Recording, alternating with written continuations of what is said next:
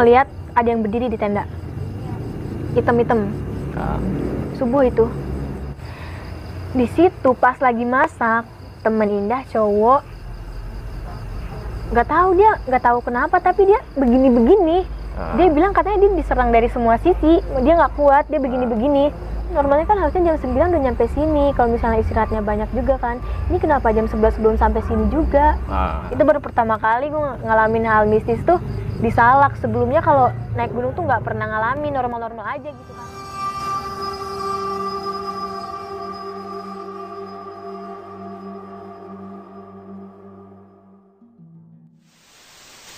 Oke, baik lagi bersama gue Indra di Besok Pagi Channel. Kali ini masih dengan tema yang sama, nggak jauh-jauh dalam dunia pendakian, krusial mistis. Dan kali ini gue bersama Indah. Lo punya cerita di saat di Gunung Salak ya, Indah? iya Ini sangat creepy banget nih. Mungkin sebelum masuk ke cerita, gue pengen mengingatkan kembali buat kalian bahwasannya cerita yang gue angkat bersama ini, ini bukan untuk menakut-nakuti. Bener Indah ya? betul Kita hanya sekedar membagi pengalaman lo nih ya Hmm. dan gue juga pernah mengalami hal ya yang serupa lu dan gue sempat berbagi juga sama kawan-kawan gue nih. Di channel lain pun juga sama ada. Kali ini gue pengen ngangkat cerita tentang Indah saat di Gunung Salak. Dan untuk mempersingkat waktu mungkin kita langsung aja masuk ke ceritanya.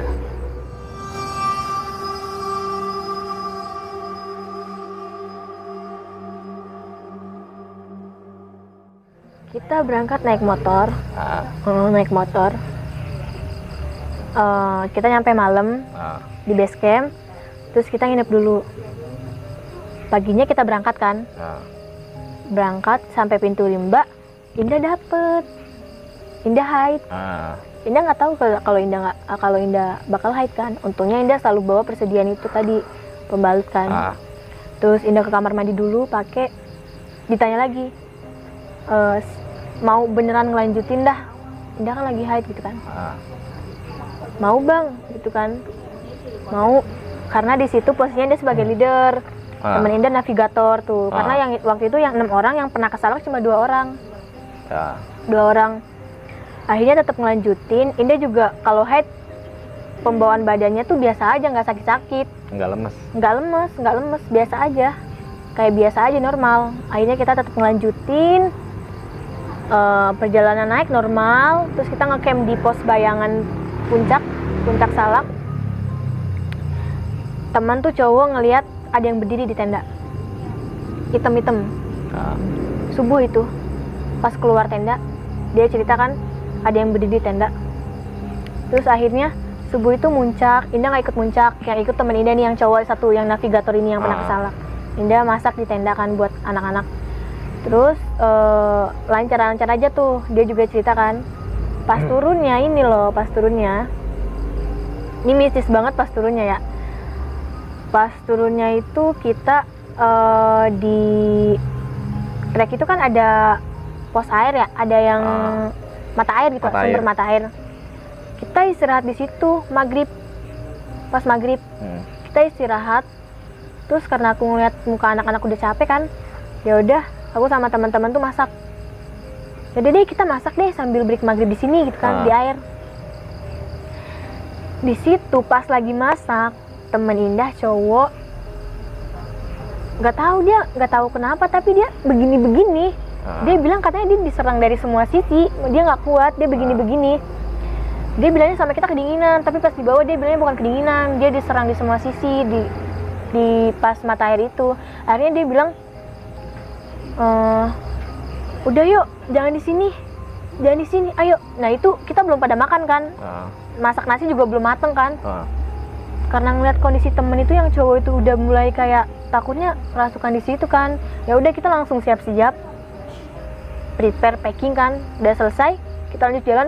Sama sekali kita nggak ada berhenti berhentinya di situ kan. Pas turun nggak ada berhenti berhentinya Eh, normalnya kan eh, jembatan kayu kan kalau di Salak kan berapa ya? Nggak sampai lima Ah. tiga empat atau gitu. Tapi kita di situ ngelewatin jembatan jembatan itu sembilan kali Diputerin kita. Diputerin iya diputerin di Salak Ah. itu baru pertama kali gue ngalamin hal mistis tuh di Salak sebelumnya kalau naik gunung tuh nggak pernah ngalamin normal-normal aja gitu kan. Nah, sampai akhirnya Indah tuh orangnya tuh kayak frontal gitu kan. Hmm, di jalan tuh kita tuh sama sekali tuh jalan jalan aja tanpa berhenti. Dia tuh bilang gini kayaknya kita disasarin deh. Dia keceplosan bilang kayak gitu. Nah, terus di situ kita tetap jalan kan tanpa istirahat. Teman yang di depan ini nggak kuat. Nah, gantian lah sama temenku yang cowok lain juga kan. Terus nah si teman cowok ini juga hampir jackpot juga dia. Karena dia ngelihat di depan dia tuh banyak banget katanya kan. Sliberan sliberan apa gitu. Terus yang di belakang juga diserang. Nah. diserang yang di belakang. Yang jadi sweeper kan dia diserang juga. Itu banyak di belakang Indah tuh tengah-tengah posisinya karena Indah lagi haid kan. Hmm. tapi untungnya Indah nggak kerasukan gitu sih. Ah, untungnya nggak aja kerasukan lu ya? biasa aja. Terus kita jalan terus temen Indah yang satu cewek udah mau nangis karena dia kan pemula kan. Nah, pemula langsung ke salak dia langsung Kaget ngalamin kali. kayak gitu. Nah. dia nangis udah mau nangis nih gimana di mana? Dia tuh panik kan. Karena Indah juga panik jadi Indah bersikap kayak biasa aja kalau misalnya kita ikut panik juga wah ini suasana bisa kacau parah kan kalau Ah. panik semua nah. ya udah Indah tuh sama yang lain coba buat gak panik coba buat kayak positive thinking pura-pura padahal di hati emang udah deg-degan parah udah udah nggak tahu lagi nih gimana ini udah berapa jam kita muter-muter sini lewatin jembatan kayu lagi kayu lagi kan nah. udah di situ akhirnya kita jalan terus ketemu dua cabang dua cabang ini kita bingung nih milih yang mana. Yang satu tuh dicek sama teman. Berdua kan nggak boleh jauh-jauh nih gantian dulu. Terus habis itu balik lagi nih gimana? Nih jalannya begini deh kayaknya ini bukan deh gitu kan. Coba yang eh, yang kiri dicek lagi. Eh nih jalannya juga begini ah kayaknya ini bukan deh gitu kan gak ada telapak kaki gitu kan. Akhirnya kita balik lagi kita kumpul di situ duduk. Nah. duduk kita mikir kita berdoa kan. Udah hopeless juga kita udah hopeless juga pokoknya gue sama teman-teman nggak tahu itu gimana. Terus kita baca doa terus akhirnya dari bawah ada center taunya itu orang base camp yang Ah. lagi nyariin. Dia lagi nyariin. Lagi nyariin. Seneng banget itu pas mereka ketemu. Dah dah karena mereka kan kenalnya Indah kan. Hmm. Indah itu Indah bukan? Ah iya bang iya bang gitu kan. Langsung lari kan ke mereka kita gimana kok bisa kayak gini? Nanti aja bang ceritanya. Oke oke kita kita turun ke bawah kan sama mereka. Malam ini kan ini normalnya kan harusnya jam 9 udah nyampe sini. Kalau misalnya istirahatnya banyak juga kan. Ini kenapa jam 11 belum sampai sini juga? Nah. gitu kan. Gak tahu bang. Kita juga ngelewatin jembatan banyak banget bang. Pusing gitu kan. Itu juga temen udah mau jackpot gitu kan. Udah mau kerasukan udah diserang sana sini dari beberapa sudut gitu kan. Nah ternyata kabar itu kita belum turun sampai ke daerah ini Panjang. Ah. sampai ke teman-teman. Teman-teman panik. Semua komunitas panik kan ini anak-anak nih belum turun nih jam segini jam segini Wah itu sampai sampai kabarnya tuh sampai ke teman-teman anak Bogor juga sampai nyampe kan. Ini kalau misalnya satu kali 24 jam mereka nggak ada, Ah. ini mau dilaporin ke eh, balai. Nah. Dilakukan gitu. rescue. Iya gitu. Tapi untungnya kita jam 11-an itulah kita ketemu sama mereka, sama orang BC. Sempat ngalamin trauma juga berarti. Trauma kalau kesalak sih. Sampai Tapi sekarang. kalau- Iya. Tapi boleh deh kalau sama ini. Tapi lumayan trauma sih. Takut takut aja kayak gitu lagi gitu kan. Ah.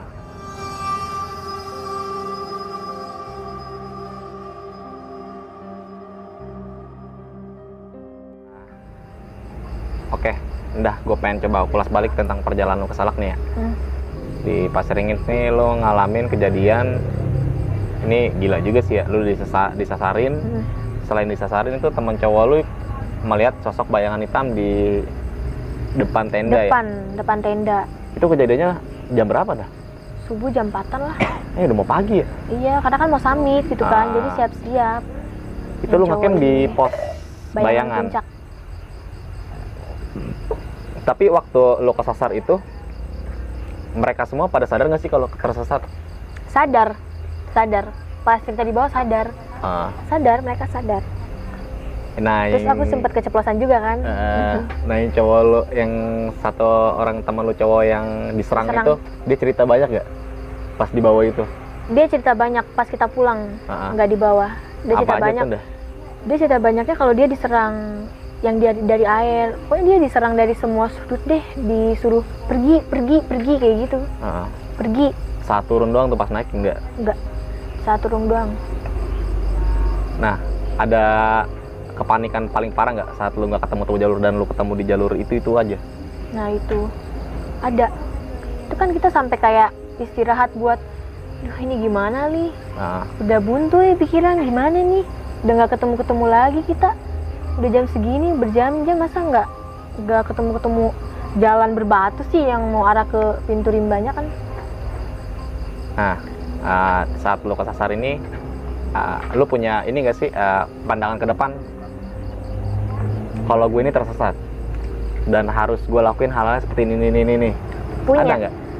Pikiran seperti itu waktu kejadian di Salak saat itu? Iya kalau misalnya kita tetap muter-muter di situ ya kita aku udah pengen dalam hati sih. Ya udah ngecamp aja terus kita doa nenangin diri dulu terus nanti Ah. besok dilanjutin. Saat lu tersesat itu lu ada pikiran untuk ke depannya kalau gua, gua ini tersesat dan gua harus ngelakuin hal ini hal itu. Ada ada lah plan kayak gitu ada.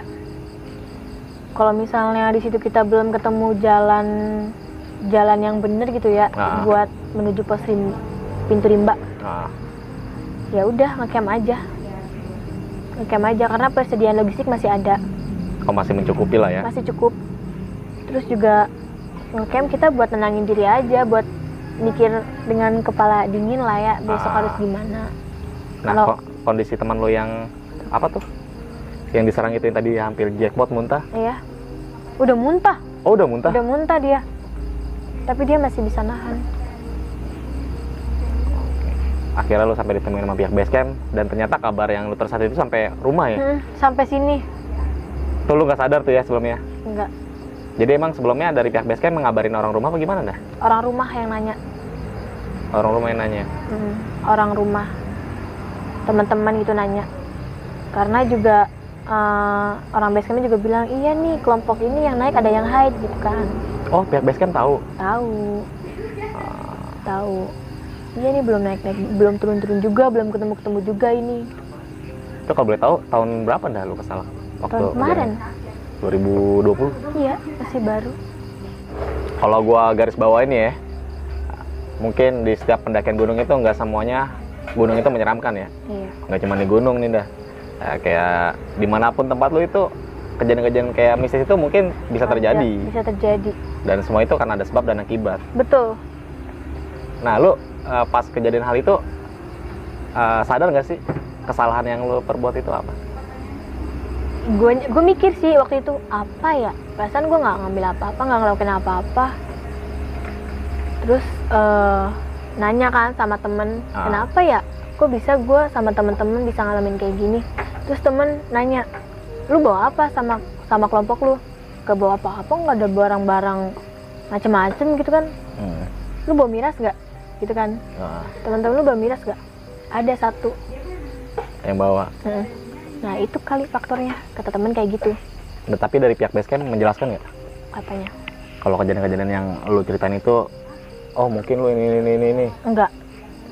Enggak. Nggak ngejelasin. Enggak dia nggak tahu kayaknya. Kalau misalnya ada satu dari teman kita yang banyak tuh yang nyariin lu waktu lu kesesat. Banyak. Banyak gitu karena itu kan yang jackpot itu kan sempat diserang-serang di semua sisi. Kan dia kan yang bawa minuman itu oh dia. Iya dia. Nah sebenarnya nggak patut dicontoh juga nih ya? Iya nggak patut. Nah di kondisi saat ini kan selain fisik lu lemah mungkin gangguan hal gaib itu bisa jadi juga iya. dialamin sama lu ya? Mungkin bukan lu aja sih mungkin teman sekelompok lu pun bakal kena imbasnya juga. Iya betul. Tapi di luar itu kan bagaimana kita menyikapi dengan cara berpikir terus positif kan selagi lu bisa mengatasi hal itu kenapa enggak? Betul. Nah lu punya pesan nggak buat teman-teman nih? Ada memang beberapa gunung yang melarang buat membawa minuman keras atau Ah. barang-barang segala macem. Ah, ya udah kita patuhi aja. Tata krama di sono gitu. Itu buat keselamatan kita juga keselamatan teman-teman juga. Karena kalau misalnya satu dari kita bawa imbasnya tuh ke semua orang kak jadi jangan sampai lalu eh, nyelakain teman-teman lu gitu. Karena ah, perbuatan lu. Iya betul.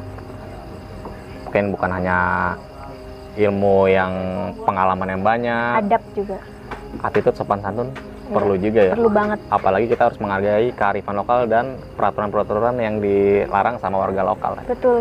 Ini penting banget buat kalian saat mendaki gunung. Mungkin bukan mendaki gunung aja di tempat mana pun harus dijaga